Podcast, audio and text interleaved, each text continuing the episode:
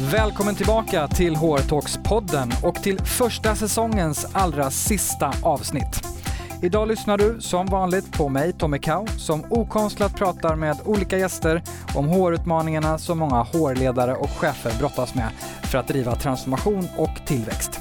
Och vilken säsong det här har varit! Stort tack för all feedback, tack till alla som har lyssnat, som ställt frågor och såklart tack till alla som följer oss även på LinkedIn och Instagram.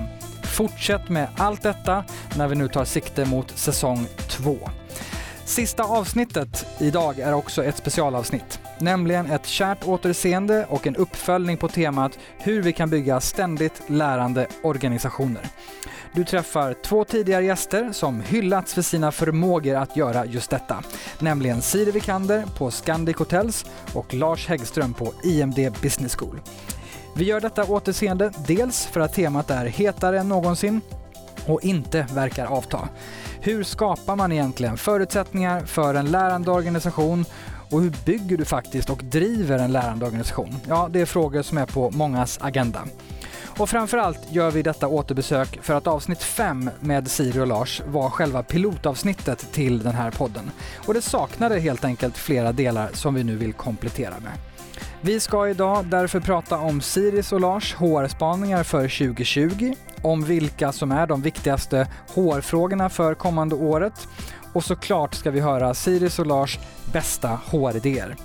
Och inte nog med det, vi ska såklart även svara på alla inkomna lyssnarfrågor. Siri Vikander är alltså veteran inom People Development med ansvar för Talent Management och Learning inom Axfood. Hon har varit HR-direktör på Hemfrid och idag är hon Director of People Growth på Scandic Hotels. Hon har bland annat lett arbetet med att implementera ett helt nytt och hyllat sätt att arbeta med lärande bland företagets 18 000 medarbetare. Med nya digitala verktyg, nya arbetssätt och nytt ledarskap. Lars Häggström är före detta HR-direktör på koncernnivå för bland annat Nordea och Stora Enso och Gambro och har tidigare ett förflutet inom läkemedelsindustrin på bland andra AstraZeneca. Han blev sedermera rådgivare i transformation och Head of Advisory på IMD Business School i Schweiz. Och han har som HR-direktör och senior rådgivare till europeiska ledningsgrupper i flera år jobbat med att driva transformation för företag med lärandet som en central del i strategin. Nu sätter vi igång dagens skarpa samtal.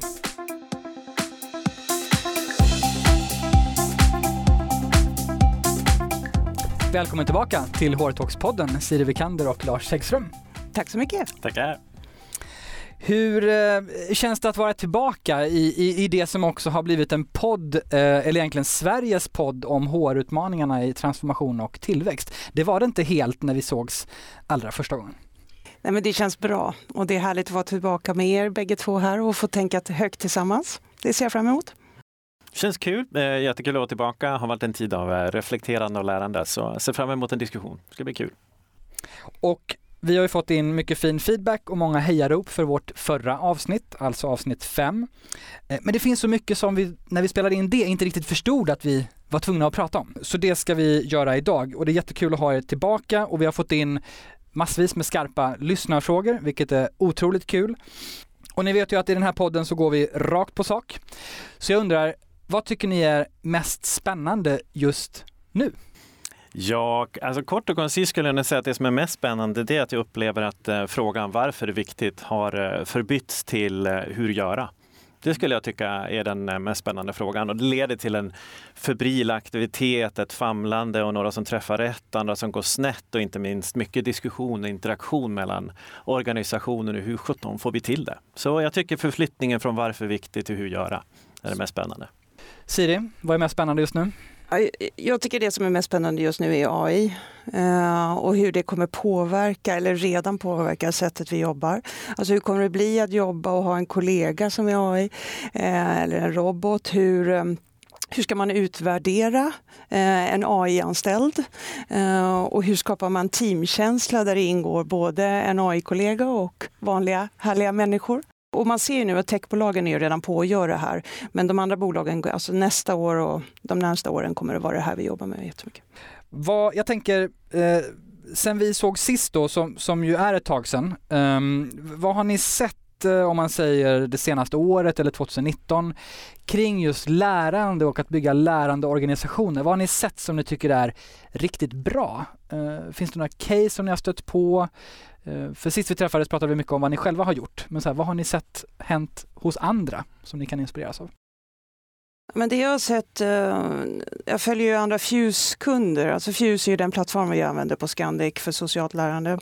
Och det man ser att de som ligger i framkant gör nu, det är att de använder AI-matchning. Så de, eh, I Fuse så finns det ju både inspiration, det finns kommunikation men också lärande. Och den datan som finns där kan man då koppla ihop eh, med data från performance, eh, utvecklingsmöjligheter, intern rörlighet.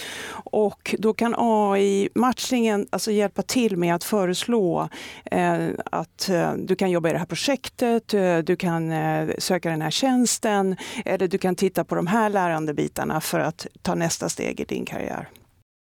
Spännande, så um, ännu mer guidning. Mm. Och det som är spännande här tycker jag, det är ju att det främst är ett verktyg för den enskilda. Förut har vi ju tänkt på det här med data som någonting som har varit bra för ledarna eller ledningen att ha. Nu ser man ju att den här datan kommer ju att användas av medarbetarna själva för att skapa sin egen lärande och sin egen karriär internt. Lars, vad ser du? Ja, alltså jag ser, eh, jag tänker på några exempel. Ett eh, exempel är faktiskt min förra arbetsgivare, men vad som har hänt sen jag lämnade, kanske delvis på grund av att jag lämnar. Men jag ser ett extremt aktivt säg, lärande som har förflyttats något ifrån att söka lära inom organisationen mellan dess olika delar, olika nivåer där man får samman olika perspektiv till att de går vidare och söker integrera lärandet också ifrån andra. Och otroligt aktiva i Slush har identifierat 16 startup partners som de jobbar tillsammans med och där de har jobbat med produktinnovationer och lanseringar som en följd av det.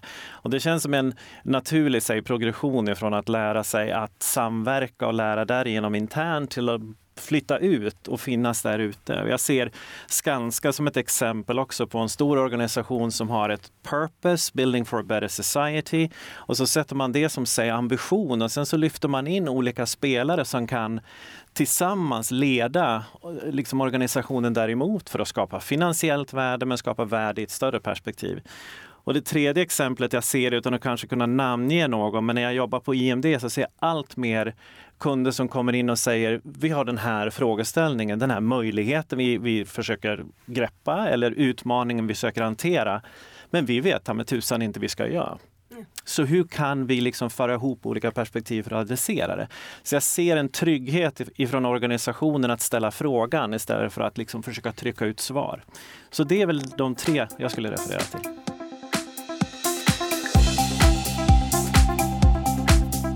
Om man nu ska göra det som vi pratade om i avsnitt 5 och nu var kommer man i regel att möta mest motstånd? Var måste du dunka huvudet hårdast och längst och mest eh, eh, ihålligt? eh, ja, men, eh, jag, jag räcker upp handen här. Eh, alltså det gäller ju att ha med sig ledningen och det gäller att de förstår varför vi så att säga kliver på den här resan. Varför? Eh, det är varför igen, ja.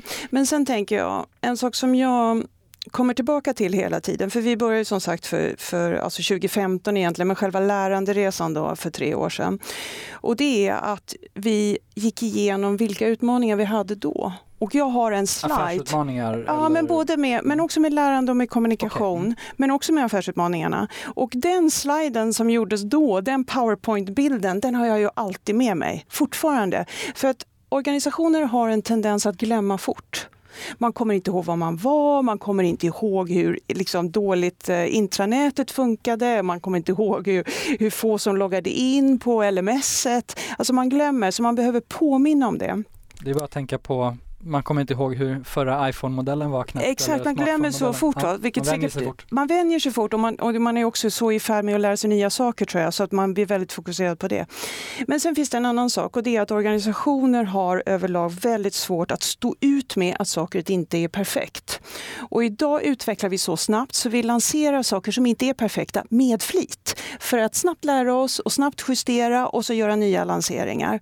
Och den här förmågan behöver organisationer organisationer, eh, jag skulle nästan använda en psykologisk term där, lära sig att härbärgera, att stå ut med att det inte är perfekt.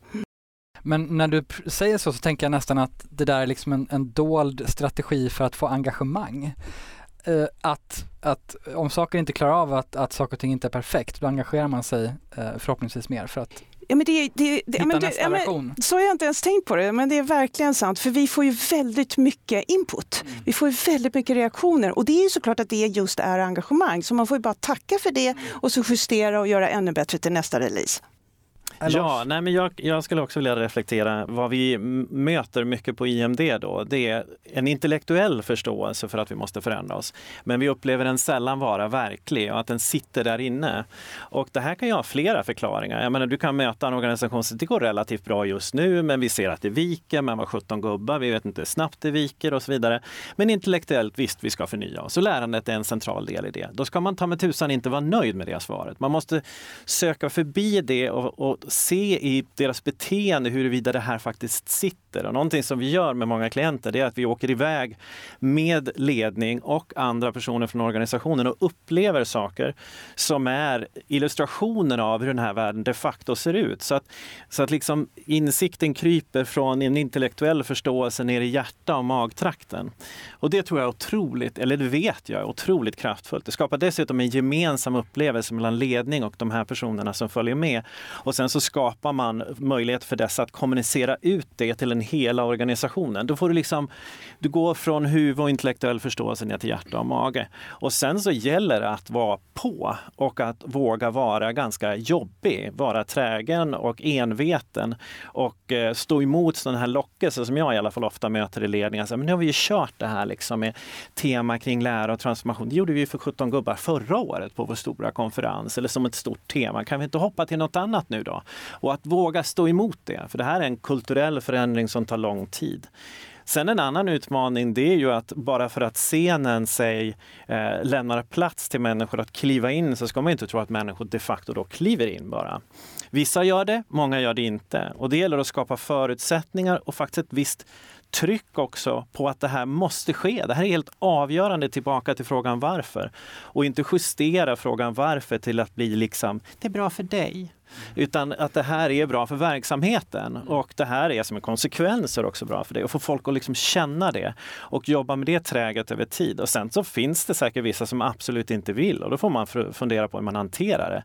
Men då måste man de facto också våga hantera det. Det här är inte bara liksom en fråga om att vara rar och skapa förutsättningar för läraren. De som tar det, de tar det. De som inte tar det, de inte ta det. Utan att faktiskt trycka på både på lednings och medarbetarnivå.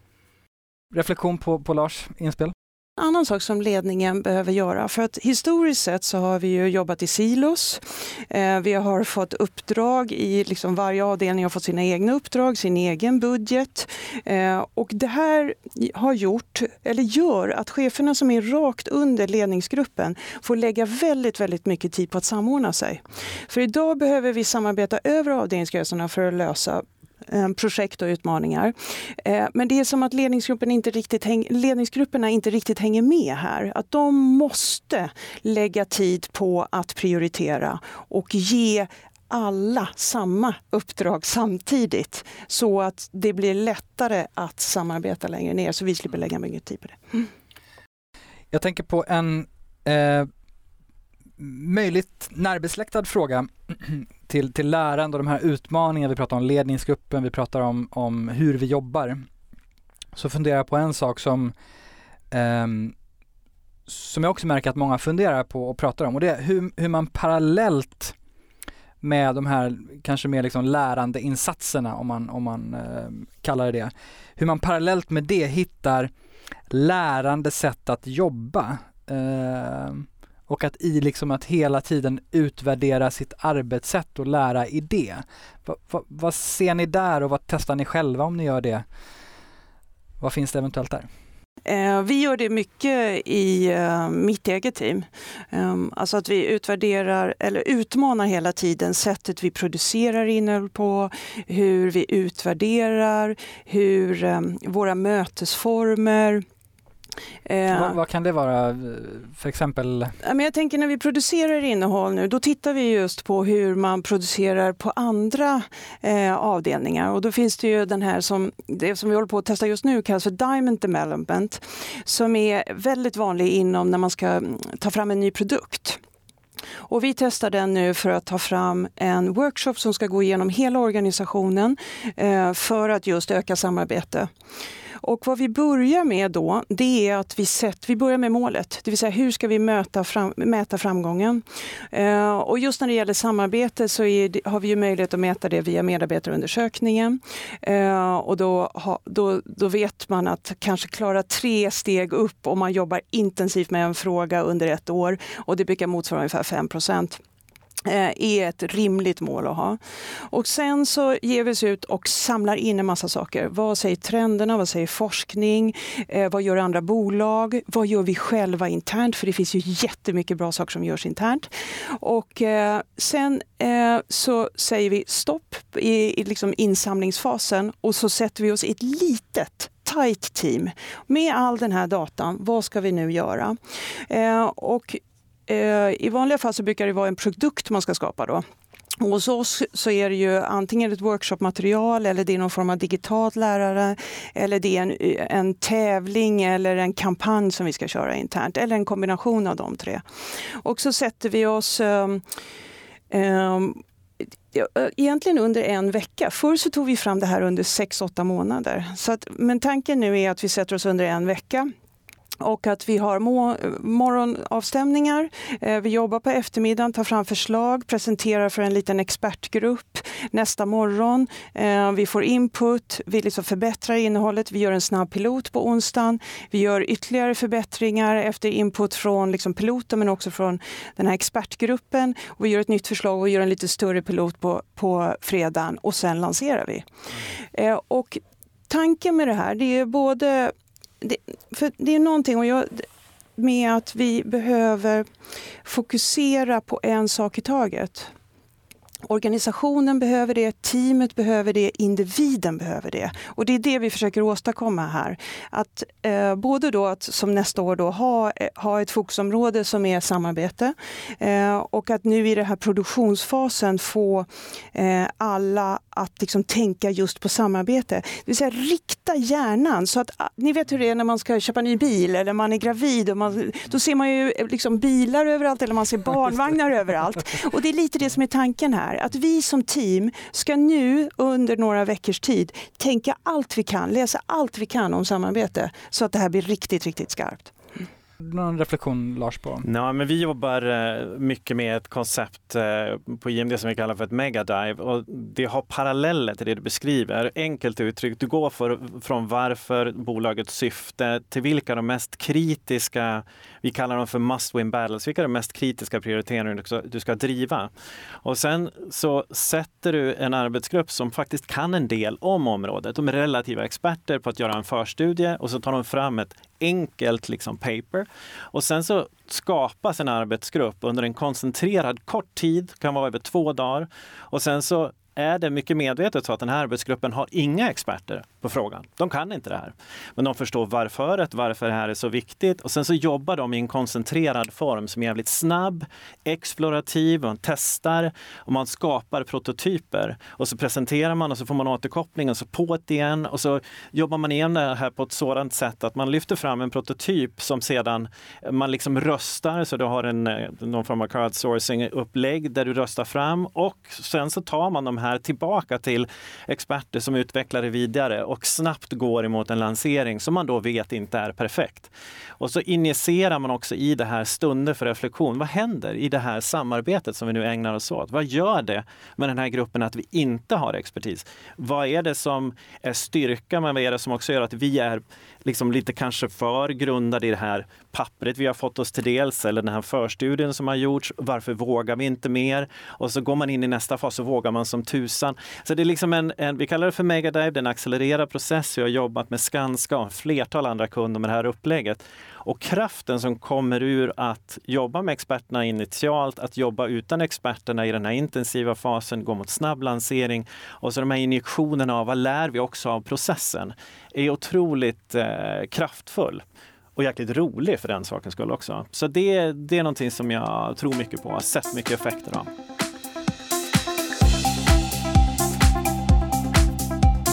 Vi har kommit till tipsdelen Eh, alltså om vi helt enkelt ska skicka med några eh, snabba tips, råd och reflektioner eh, från er på temat lärandeorganisationer till de som lyssnar. Och om ni skulle ge tips på en sak att göra och fokusera på när man bygger en lärande organisation, vad bör eller ska det vara? Men om man har kultur och ledarskap på plats mm. eh, så tror jag ovanpå det så tror jag att verkligen uppmuntra medarbetarna att göra saker, att testa saker. Eh, alltså att verkligen ligga och testa och utmana. Eh, så att man har ett lärande som pågår hela tiden i vardagen. Ja, när du tvingar en till att gå till en idé, men tack Siri för att du sa antar vi, om vi antar att vi har kulturen och ledarskapet på plats, så skulle det nog vara att eh, HR sätter ribban extraordinärt högt för sig själv. För jag tror att vi inte helt sällan observeras mer än vad vi kan tro och påverkas, eh, eller påverkar i större utsträckning än vad vi kan tro. Och eh, skomakarens bantesen kan inte gälla. Vi måste sätta ribban extraordinärt högt för oss själva. Och för att hänga på det så tror jag att ett sätt att lära sig för HR det är att när man utvecklar nya saker eh, eller utvärderar befintliga processer, att man gör det tillsammans med slutanvändaren. Så att man sitter på samma möten, man har samma eh, testformulär man fyller i. För då, då det, det blir som realtidslärande både för ledarna och för HR. Och vilken risk ska eller bör man undvika mest när man bygger en lärande organisation? Att toppstyra. Att toppstyra, ja. Klart och tydligt. Lars, att komplicera för mycket. Och du kommer tillbaka lite grann till att säga, våga pröva, det behöver inte vara perfekt, man lär, man gör om, man gör bättre. Men att ständigt se till att det här är liksom eh, i rörelse någonstans. Men jag ser tyvärr fortfarande allt för många exempel på att det blir så jävla komplicerat. Vi har pratat om några företag som Eh, jobbar med det här och ni representerar själva eh, företag eller tidigare företag som, som har gjort det här på olika sätt bra. Men vilka andra företag eller personer för den delen tycker ni eh, jobbar med det här med ständigt lärande på ett bra sätt? Som man kanske kan inspireras av om man lyssnar. Jag tänker på ICA förstås och Hanna Schultz och det jobb som de gör nu. De fick ju ett pris här nu för några veckor sedan. De är ju jätteduktiga. Eh, och i en ganska komplex organisation. För det jag förstår om ICA är ju det här att det är väldigt mycket egna handlare och egna företagare och så ska man försöka ändå lyckas i en sån organisation. De har ju gjort ett fantastiskt jobb. Och de har ju verkligen gjort de har inte väntat, som de har börjat göra någonstans i organisationen där det fanns en, en öppning att få göra. Och sen har det spridit sig, eller sprider sig nu till resten av organisationen. Mm. Och där kan man nog kolla in, de vann Human Growth Award, så vill man höra lite mer så finns det nog en del skrivet online kring det. Eh, jag imponeras av eh, Scania, inte bara men också för att vd går ut och gör en säg, deklaration om att här ska vi vara utan att veta exakt hur det ska gå till. Och jag tror att det är en stor del i deras svar på frågan varför. Och det här sig, driver sedan ner i organisationen och ser man till en rad aktiva liksom, beslut de har tagit och hur de interagerar med olika organisationer och institutioner så tycker jag att det är ett annat riktigt, riktigt bra exempel. Slutligen, vilken bok tycker ni att man ska eh, läsa eller för den delen lyssna på eh, om man vill fördjupa sig mer i frågan kring, kring lärande utifrån ett kanske organisationsperspektiv? Alltså den bok vi kommer tillbaka till hela tiden i mitt team är ju Agile People av Maria Pia Thorén. Och det som är bra med den boken det är ju att alla HR-processerna beskrivs i, alltså som kapitel för kapitel. Eh, och det finns väldigt mycket från och till beskrivningar. Det finns citat från de som har testat. Det finns liksom exempel på hur man kan göra det. Så att just när man sitter och funderar över det som du var inne på Lars här i början, göra, hur hur ska vi göra det, så är den boken riktigt, riktigt bra. Ja, mitt boktips kanske kommer från ett annat perspektiv, men det finns en eh, person som heter George Colreiser som har skrivit en bok som heter Dare to Care som eh, jag tycker eh, är otroligt tänkvärd för den greppar tag i den här frågan kring respekten, fruktan för förändring och att finna de säkra zonerna i sig själv som är tillämpligt för, ledare som ska ändra sitt sig, sätt att leda och bete sig och tillika till medarbetare som ska say, kliva upp på den scen där det ges plats. Så George Colerizers Dare to Care skulle jag läsa.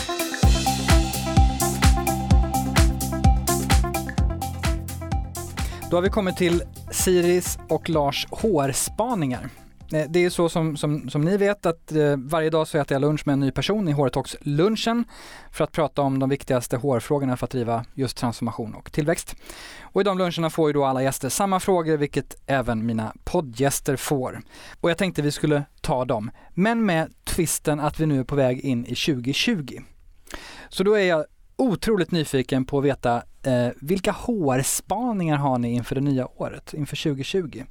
Ja, jag har noterat ner fem som, eh, som jag kommer att tänka på. Den första är Eh, att vi måste bli otroligt duktiga spanare. Inte nödvändigtvis, ja visst 2020 är framtid, men att spana och söka förstå den omvärld inom vilken vi verkar. Ty otroligt mycket här har att göra med människor. Och jag tycker när vi möter vd, företagsledningar på IMD så är det mycket det de, de brottas med. Jag menar, hur skapar vi engagemang i organisationen?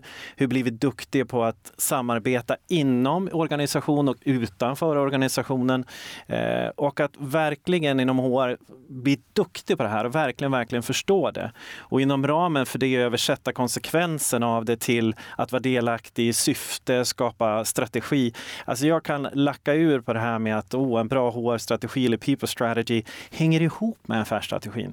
Alltså vi måste ta det längre. Den ska vara en integrerad del i. Jag menar, jag ser nu liksom syften och strategier och prioriteringar som tam tusan är otroligt mycket fokuserat på människor och ska vi vara del i att skapa det, då måste vi förstå och vi måste vara otroligt aktiva och modiga i den här diskussionen. Så det är en. Sen tror jag mycket på, nu kommer vi tillbaka till en värld när kanske kulturen och ledarskapet inte är på plats. Så att förstå betydelsen för ledarskapet och jobba handgripligt med att säg, skapa en förståelse för varför det måste förändras och se till vilka beteenden är det vi vill se. Vi behöver inte förändra ledarna initialt inifrån, men vi måste se vissa förändringar till beteenden och över tid när ledare har praktiserat det så är min erfarenhet i alla fall att när de ser effekterna av det för, för verksamheten, för sin egen inre trygghet, balans, arbete, privatliv och så vidare, då börjar de också förändra sitt perspektiv och då börjar de här beteendena bli ack så naturliga. Den tredje är reskilling-frågan som är en jättelik fråga, så jag stannar vid att säga att en HR-spaning är hur hanterade konsekvenserna av digitalisering som knyter an till att förstå vår omvärld, men också se de möjligheter likväl som utmaningar. Men jag skulle vilja driva det mer mot, eh, mot de möjligheter som det ger för att jobba med ledarskapet, jobba med reskilling och så vidare. Och sen den sista som ligger mig hemskt närt om hjärtat, som kopplar an till att tänka sig mer systemiskt och mer agilt och våga vara mer explorativ som HR-funktion. Alltså att hålla på att dela upp HR-arbetet ständigt i liksom vi har rekrytering och vi har lön och belöning och vi har processexperter experter och vi har HR-data. Alltså se, se en stor fråga, utmaning eller möjlighet som ska hanteras genom att man adresserar en av dessa. Då skulle jag vilja veta vilken det i sådana fall är. För normalt sett så är det en systemisk lösning som krävs om man adresserar samtliga. Och det innebär att vi inom HR måste jobba mer som ett team och vi inom HR måste våga sträcka oss ut och som Siri tror jag nämnde tidigare, jobba tillsammans med organisationen också utanför organisationen. Och det här kommer tillbaka till leva som vi lär. Så det är väl de fem jag skulle peka på? Jag tycker det som många kontaktar, eller som nämner nu, det är ju den stora personalomsättningen och vilka utmaningar det är, särskilt i kombination med att det är så svårt att attrahera och rekrytera ny, eh, nya medarbetare. Så att jag tror det HR behöver göra nu framåt det är att titta väldigt mycket på, dels undersöka varför personer slutar. Alltså titta ordentligt på exit-intervjuerna och gör ordentliga... Eh, eh, alltså titta på exit-undersökningarna och göra ordentliga exit-intervjuer. Eh, och sen så, så, lägga actions på det. Eh, och jag tror några saker som man behöver göra här, det är att, för vi vet att medarbetare idag, de vill ha utvecklingsmöjligheter. Och vi vet att organisationer eh, behöver också personer som har rört sig internt och som har en djup kompetens inom något men som faktiskt flyttar runt sig mellan olika avdelningar och sprider, tar med sig bra arbetssätt från olika avdelningar till nästa avdelning. Eh, och sen tror jag att man behöver jobba med någon form av omstruktureringsfond för att kunna erbjuda personer som eh, tillhör ett team eh, och där finns det lön för den eh, i den budgeten. Men som faktiskt både personen och organisationen skulle vara bra av om den här fick komma och jobba på en annan avdelning. Men där finns det ingen budget för det. Så man inte naggar av den chefens personalbudget eller vad det nu är? E- Exakt, eller det egentligen är det så här att den chefen säger nej för jag kan inte. Jag har inte lön eller jag har inte budget, jag har inte resurser för att lära upp någon. Om jag ska göra det jobbet då behöver jag få någon form av stöd från organisationen för att göra det jobbet. Vad kallar du för omstruktureringsfond? Ja, Mm, Eller omställningsfond? omställningsfond. Ja. Intressant. Eh, och sen är det ju den här mm, Mm, enorma behovet, du har ju varit inne på det Lars, det här med reskilling och upskilling. Alltså vad vi st- står inför nu, det är ju att, eh, eller vi är mitt i, det är att lära om hur vi ska göra våra jobb. Eh, och att eh, men också att vissa jobb kommer försvinna och det kommer nya jobb som är superjobs, alltså att man samarbetar ihop med en robot eller med AI. Och här tänker jag till exempel på det som pågår nu på Ericsson där supportpersonalen eh, som har hand om det fysiska kommunikationsnätverket över världen eh, varje dag ringer upp en, en voice AI och sitter och överlägger tillsammans. Alltså, Hur ser det ut med nätet idag? Hur är väderleken? Eh, är det någonstans där jag jag borde lägga lite mer energi? Eh, och frågar också vad är ditt råd till mig? Eh, alltså det här är ju förstås ett helt nytt sätt att jobba och det är att verkligen ha en AI-kollega. Men det är att vara chef över AIs råd, för man måste ju alltid ifrågasätta, vad AI säger jag. Eh, AI är bra, men man måste ju också fråga eh, vad baserade du ditt råd på så att jag kan bedöma om jag behöver lägga till, vad behöver jag själv lägga till? Ehm, och också på det här med reskilling, nu den här World Economic Forum Future of Jobs som kom förra året. eh, Så där nämner man ju fyra timmar i veckan att vi lägger på att lära oss om. Och när jag hörde det först tänkte jag så här, nej men det är inte sant. Men när jag började tänka efter hur mycket jag själv lägger så tror jag, alltså jag lägger alla gånger åtta timmar i veckan på att lära om och lära nytt. Och vad är, kan det vara exempel på? Men det är verkligen att ifrågasätta. Ja, men om vi har producerat, så det här som jag var inne på förut, om vi har eh, producerat en utbildning och det tog sex månader, kan vi göra det på något annat sätt? Kan vi göra det snabbare? Hela tiden fundera på hur man kan förbättra, förenkla, Ja. förnya, lära. Mm. Och sen igen det här, umgås med personer som du inte brukar umgås med, gå på frukostseminarier där du inte brukar gå, luncha med personer från andra avdelningar internt så du bygger nätverk, alltså den typen av lärande. Eh, och sen har jag också varit inne på det här, jag säger det igen, eh, alltså att vi samarbetar ju eh, mer och mer nu för att lösa våra arbetsuppgifter. Och HR behöver tänka, hur kan vi göra det eh, enklare för våra medarbetare att både samarbeta men också att dra sig undan och reflektera och koncentrera sig. Men om man ska skära ner till benet, vad tror ni är de absolut viktigaste HR-frågorna för lyssnarna att ha på sin agenda eh, nästa år? Om man ska nominera några. Ja, men se till att lära sig flexibla arbetssätt. Alltså benchmarka med andra företag som jobbar, med, eh, jobbar agilt. helt enkelt.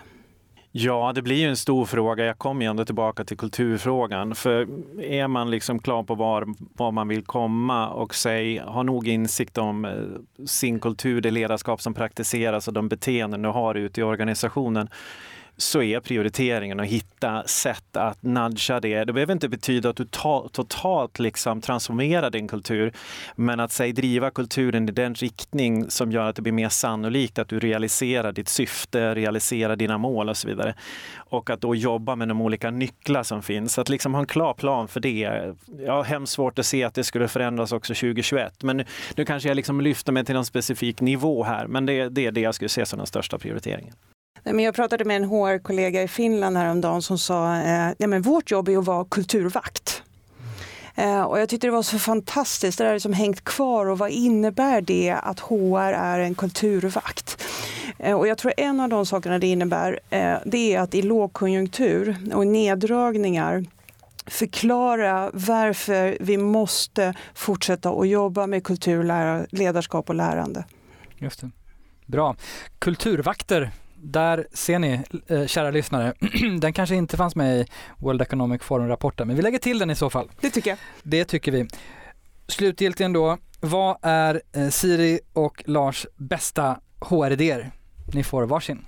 att medarbetare är vuxna nog att lösa sina arbetsuppgifter själva.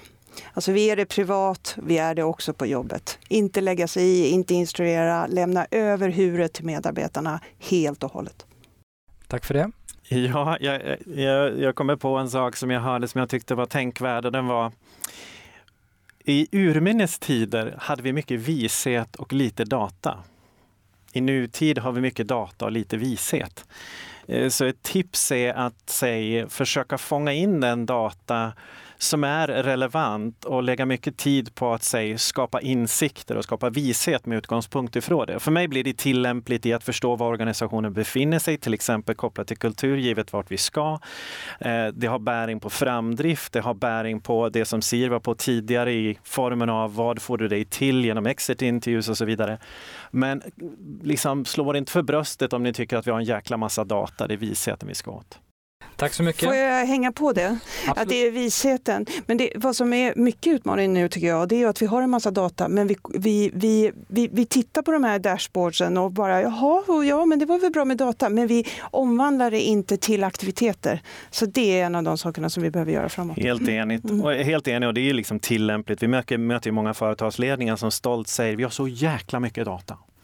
Ja. ja, vad spännande, mm. vad intressant. Det ger inte ett jävla skit. Noterat. har gjort något av det.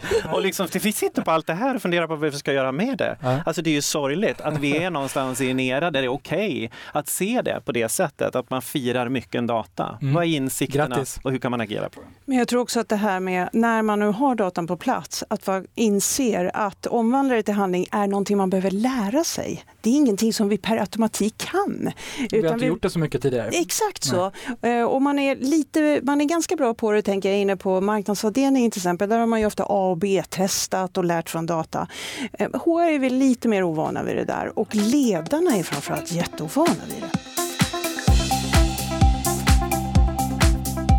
Då har vi kommit till lyssnarfrågorna.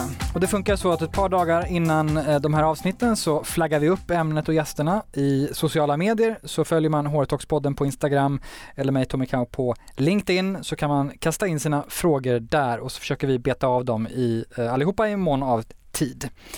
Eh, och och vi fick som sagt in eh, bra, spännande, spänstiga frågor. Är ni redo? Ja. Bra. Då börjar vi med Alexandra Starenvik. Hon är Director of Learning och Development på PWC i Sverige. Undrar, vad är det för något som medarbetare och ledare gör i en lärande organisation? Frågetecken.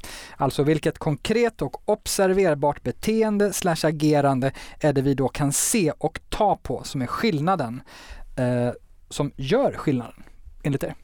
Jo, man kan säga att svaret ligger lite grann i frågan, eh, det vill säga man gör. Eh, man undersöker, man testar saker. Men det finns något annat som pågår också och det är ett lärande från att man har haft en aktivitet, man har provat någonting och man kommer tillbaka till sitt team och säger jag gjorde så här och så här, jag tog det här och det här beslutet. Vad säger ni om det? Skulle ni ha gjort likadant? Um, och sen så, så, så, så, enas man om ett nytt sätt och så ger man sig ut och testar det och kommer tillbaka. Och vad man också gör, det tredje beteendet, är ju att man ber om feedback. Så man frågar sina medarbetare, eh, hur, eller liksom sina medarbetare, kollegor, sin chef, liksom, om tips och råd för att ta sig vidare. Mm. Ja, tack Alexandra. Jättebra fråga för det första. Jag skulle säga att eh, gör, gör delen i din, i din fråga är central. Jag skulle säga att eh, ledare i sådana organisationer fokuserar på, mer på varför och mening. De vågar släppa taget, involvera och ge mer, eh, skapa mer frågor än ge svar. Och, och, det här tycker jag att man ska kunna omsätta i beskrivningen av konkreta beteenden. Och sen är jag ett stort fan av att medarbetare sedermera får faktiskt ratea cheferna på i vilken mån de praktiserar dessa beteenden. Jag menar, vill man göra det tydligt, ja men gör det tydligt då. Eh, det är det ena. Det andra, om vi får ledare som agerar på det sättet, då blir det återigen utrymme för medarbetare att luta sig in och agera. Och här så tycker jag att det är otroligt centralt att också adressera medarbetarskapet. Vad är det vi vill se? Och inte göra det för komplicerat, involvera medarbetare i att artikulera det och sen lyft upp och exemplifiera, visa att det är det här vi vill se. Och, och gör det på ett innovativt sätt tillsammans med KOMS och så vidare. Var liksom lite lekfull. Men jag gillar verkligen referensen till görande och eh, följ då upp det konkret, tydligt, klart. Och apropå rating, så vill jag säga, vi har två frågor kring det här i vår medarbetarundersökning. Det ena är, finns det en öppenhet att testa nya saker? Och uh, uppmuntras du av din chef att testa nya saker? Så vi mäter det. Charlotta Lorenz som är eh, digital förändringskonsult riktar lite frågan till Siri, men ni får kasta in båda två. Hur gör du för att få med dig de som säger att de inte hinner eller vill lära nytt? Eh, alltså få dem att komma med på förändringen. läs motvalsarna. Tack Charlotta, bra fråga. Jag, jag log när jag såg den i kommentarsfältet. Eh, jag lägger så lite energi som möjligt på de, på de 20 procent som inte vill eh, och som säger nej. Eh, för de är egentligen bara energitjuvar. Eh, men jag lägger mycket energi på de 20 som är early adapters, men också på de 60. För det gäller att få med sig, som är, liksom, som, som är lite avvaktande men som hänger på efter ett tag. För det gäller att få med sig en kritisk massa och då kommer man få med sig svansen också så småningom.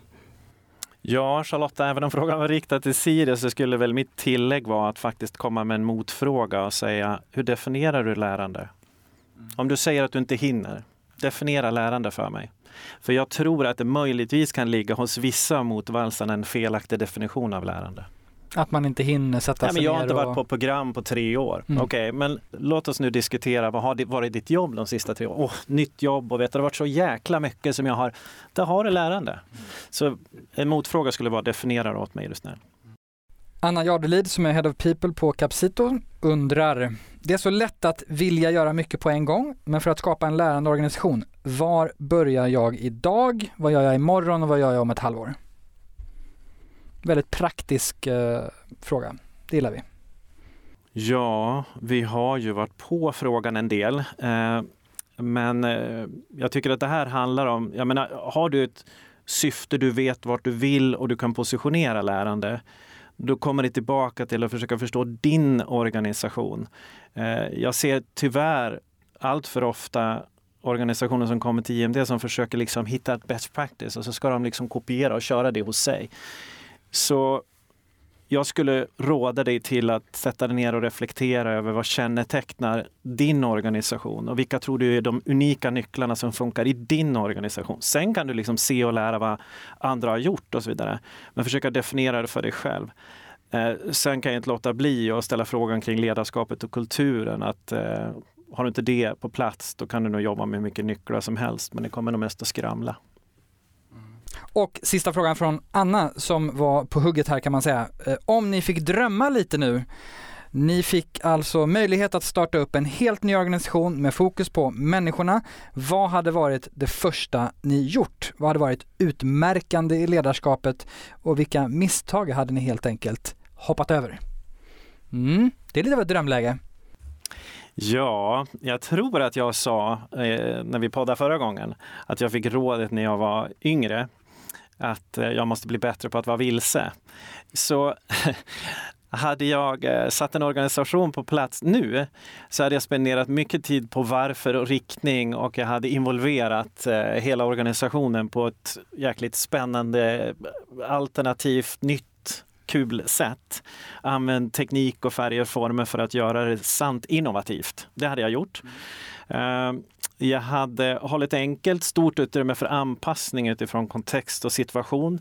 Eh, tittar jag tillbaka på min del i att leda så har jag ibland varit för preskriptiv och det har nog egentligen bottnat i en otrygghet in, i just det här att vara vilse och låt oss då sätta liksom, instruktioner tydligt nog. Jag hade försökt avhålla mig från det. Men sen hade jag också pekat ut vissa, säg, eh, beteenden som eh, ska känneteckna den här organisationen och varit, eh, om inte absolut kompromisslös, men vissa delar skulle jag inte backa på.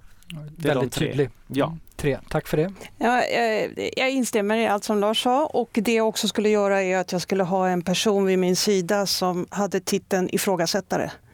Eh, för att jag tror eh, det är så lätt att falla tillbaka i gamla lösningar. Men att ha någon vid sin sida vars uppgift är att säga, men hörru, ska, eller hörni, ska vi inte? Mm. Eh, kan vi inte göra på något annat sätt? Och sen så öppna upp för innovation. Kanske jag.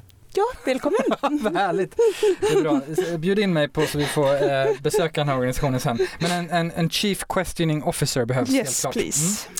Då har vi en fråga från Patricia eh, Evans som är HR och organisationsutvecklare på Systembolaget. Undrar, vad är den största utmaningen med att skapa en ständigt lärande organisation och hur tacklar man den? Hur får vi ledarskapet att släppa kontrollen och låta medarbetarna växa och ta eget ansvar? Och det här har vi varit inne på, men om vi ska kort och snärtigt eh, svara Patricia lite summerat.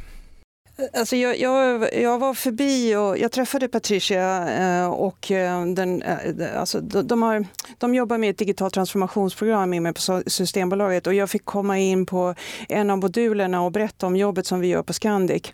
Och jag tror att precis det de gör på Systembolaget är helt rätt. De samlar ledningen och och de får där får man liksom möjlighet att lära sig och diskutera med sina kollegor och på det sättet bli trygg. För att det här handlar om att vi är i en sån stor förändring och ledare behöver känna sig trygga med den här förändringen som vi är i.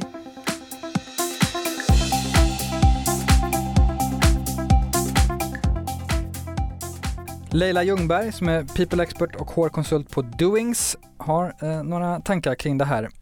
Hon undrar, vad är era tankar kring att lärande inte bara är kunskapsinhämtning, vilket är där det traditionellt kommer ifrån. Vad är era reflektioner på det? Alltså, eh, lärande eh, traditionellt sett och bakåt i tiden har ju varit att få åka på en utbildning i några dagar. Eh, och det kommer vi ju knappast ha råd med framåt och vi kommer inte heller ha, alltså vi, kan, vi kommer ha miljöhänsyn att ta som gör att det blir mycket svårare att resa och så. Så när vi träffas så kommer det ju vara lyx.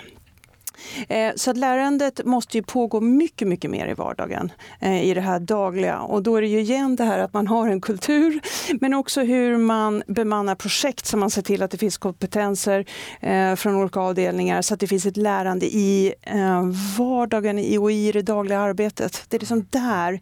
Ehm, och jag menar, ehm, Kajsa Asplund på Handelshögskolan, hon pratar ju mycket om det här med on the job training och att man faktiskt lär sig på jobbet, inte inte någon annanstans. Nej, och det, det, här kommer ju delvis från att jag hade en, en av mina håretorgsluncher med, med Laila här, i, i, eh, Leila här nyligen där hon också, eh, eh, kan man säga, eh, kraftigt utmanade självbilden i många organisationer och säger att det, det hon säger att det, det, är i stort sett ingen som har lyckats skapa en lärande organisation.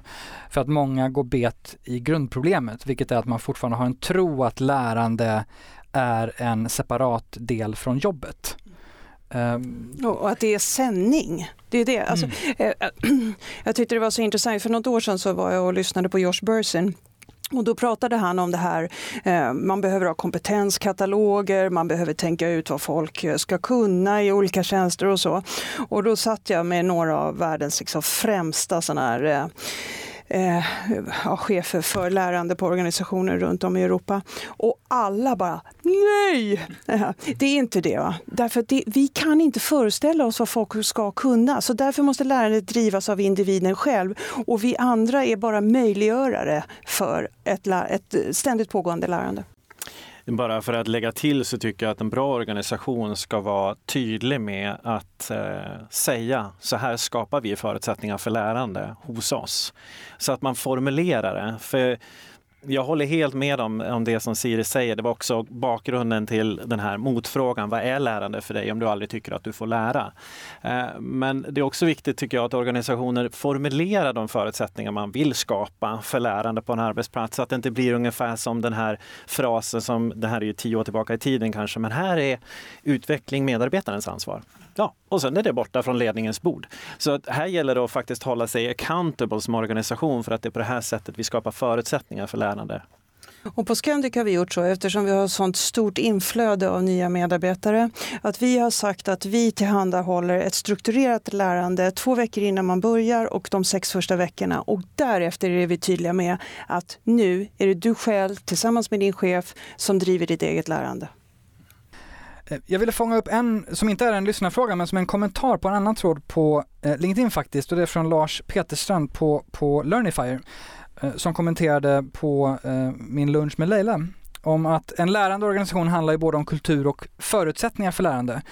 Och förutom tillgång till lärande genom push och pull, som vi pratar lite om nu, bör alla också kunna skapa och sprida kunskap då en lärande organisation bygger på Eh, att alla inte bara konsumerar lärande på ett nytt sätt, men också är producenter av det. Eh, så en reflektion på det, alltså hur vi liksom ser till att människor internt är både producenter och konsumenter. Eller kanske i synnerhet producenter? Det är en superbra fråga. Och det är ju eh, precis så här vi lär oss eh, privat. Vi tittar ju på tutorials på Youtube som någon någonstans i världen har postat upp för att dela sitt lärande. Och det är precis den här typen av lärande som vi behöver ha inne på bolag.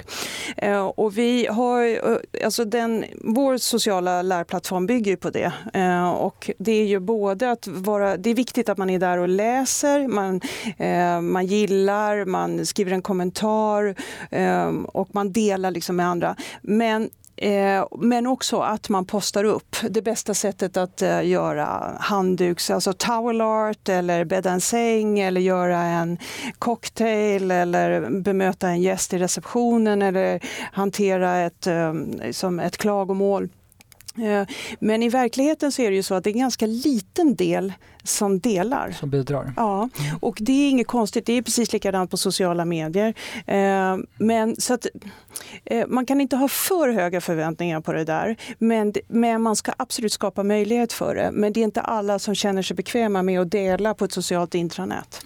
Ni har en ganska riggad struktur för det också som ni pratar om, som vi pratade om i avsnitt 5 där med liksom communities och community leaders och kopplat till affärsmål och så vidare. Så vill man fördjupa sig eh, kan man lyssna lite mer där.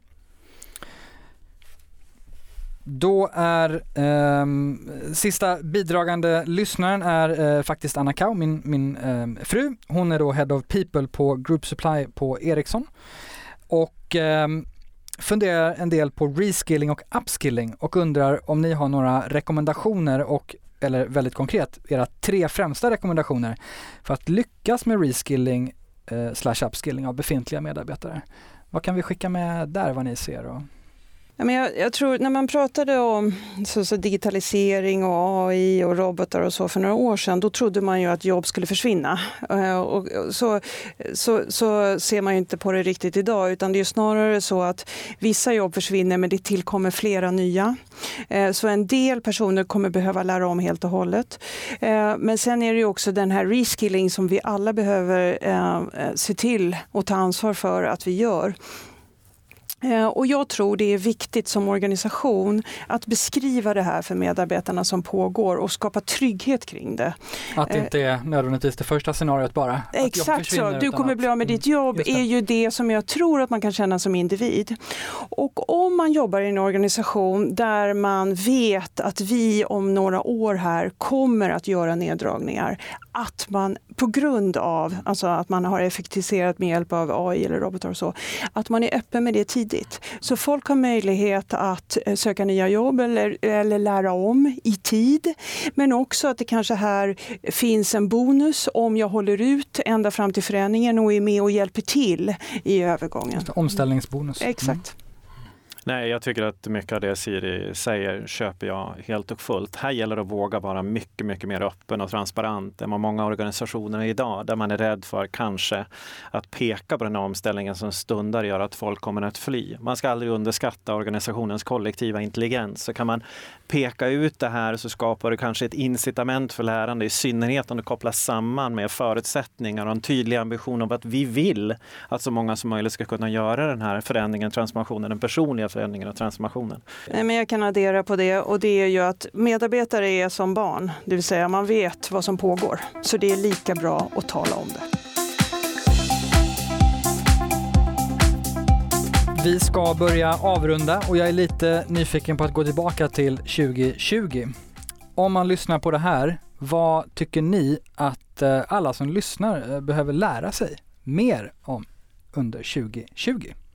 Ja, jag tycker att eh, det är viktigt att eh, vi än en gång inom HR försöker sig leva som vi lär. Eh, att släppa taget kanske låter ansvarslöst, men att vi också vågar tänka nytt och tänka om. I alla fall i stora organisationer så tror jag att vi i delar inom HR sitter på strukturer, system och annat som inte är eh, enablers utan faktiskt snarare, snarare hämmande för organisationens framgång. Och våga titta kritiskt på sig själv och, och oss som organisation och försöka som sagt tänka nytt, tänka om. Och sen eh, identifiera det få prioriteringar, vi ska driva, driva det hårt och driva det systemiskt. För att driva få prioriteringar innebär inte tunnelseende, men det innebär att prioritera på det man ska skapa, men söka lösa det systemiskt, alltså gå på flera delar. För det är där jag tror lösningen ligger. Jag tror det, ja, det jag tror HR eh, och organisationer i stort behöver göra är att sluta göra saker.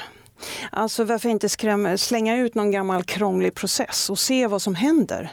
Alltså man börjar med att skrota och, hör, och sen lyssna väldigt noga. Vad säger chefen och medarbetarna nu när det här inte finns? Vad är det faktiskt de behöver? Och då levererar man det. Och det är ofta något mycket enklare eh, än det man har haft tidigare.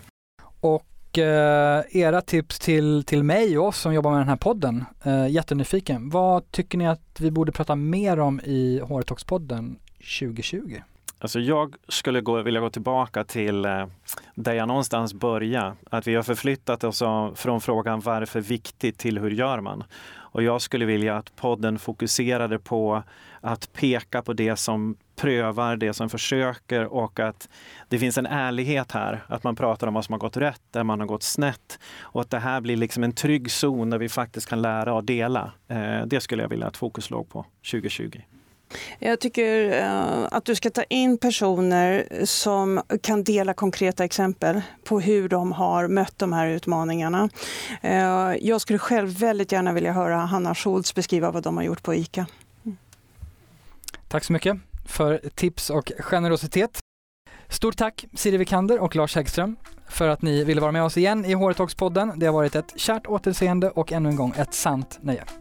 Stort tack för inbjudan. Roligt att vara här och få tänka högt tillsammans med er. Och stort tack till alla som har ställt frågor eh, som hjälpte oss att tänka högt.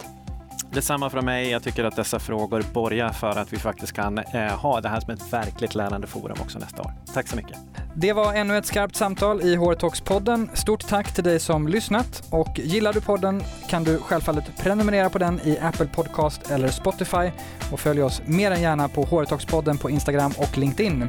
Hårtalkspodden ges ut av Kao Company, produceras av Media Mera och du hittar all info på hårtalkspodden.se. Tack för idag!